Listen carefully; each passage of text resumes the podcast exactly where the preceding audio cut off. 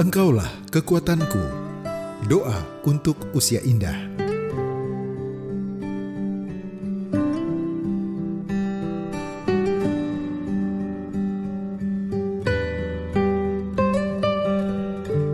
Sahabat ODB, pertumbuhan iman kita diiringi dengan kerinduan kita untuk berdoa.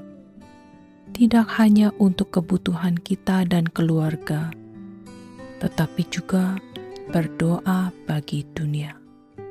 Apa yang menjadi alasan kita perlu berdoa bagi dunia?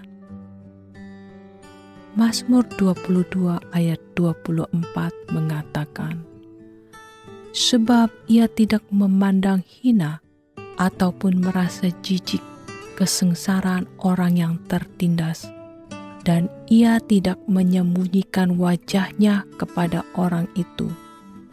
Dan ia mendengar ketika orang itu berteriak minta tolong kepadanya. Sahabat ODB, mari kita berdoa. Ya Allah, Engkau mengasihi setiap negara, setiap warganya dan setiap suku bangsa, karena Engkaulah yang menciptakan dunia dan segala isinya. Engkau mendengar cerita semua orang yang menderita dan seruan mereka yang meminta pertolongan darimu.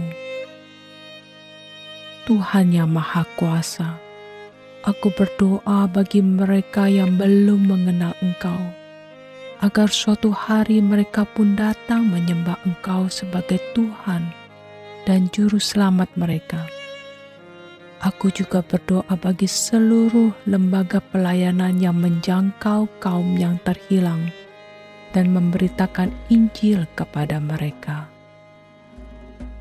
Tolonglah aku untuk terlibat semampuku dalam misi tersebut serta menjadi pemberita Injil yang setia dan gigih.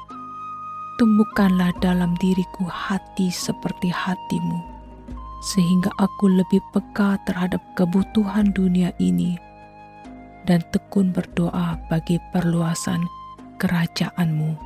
Amin.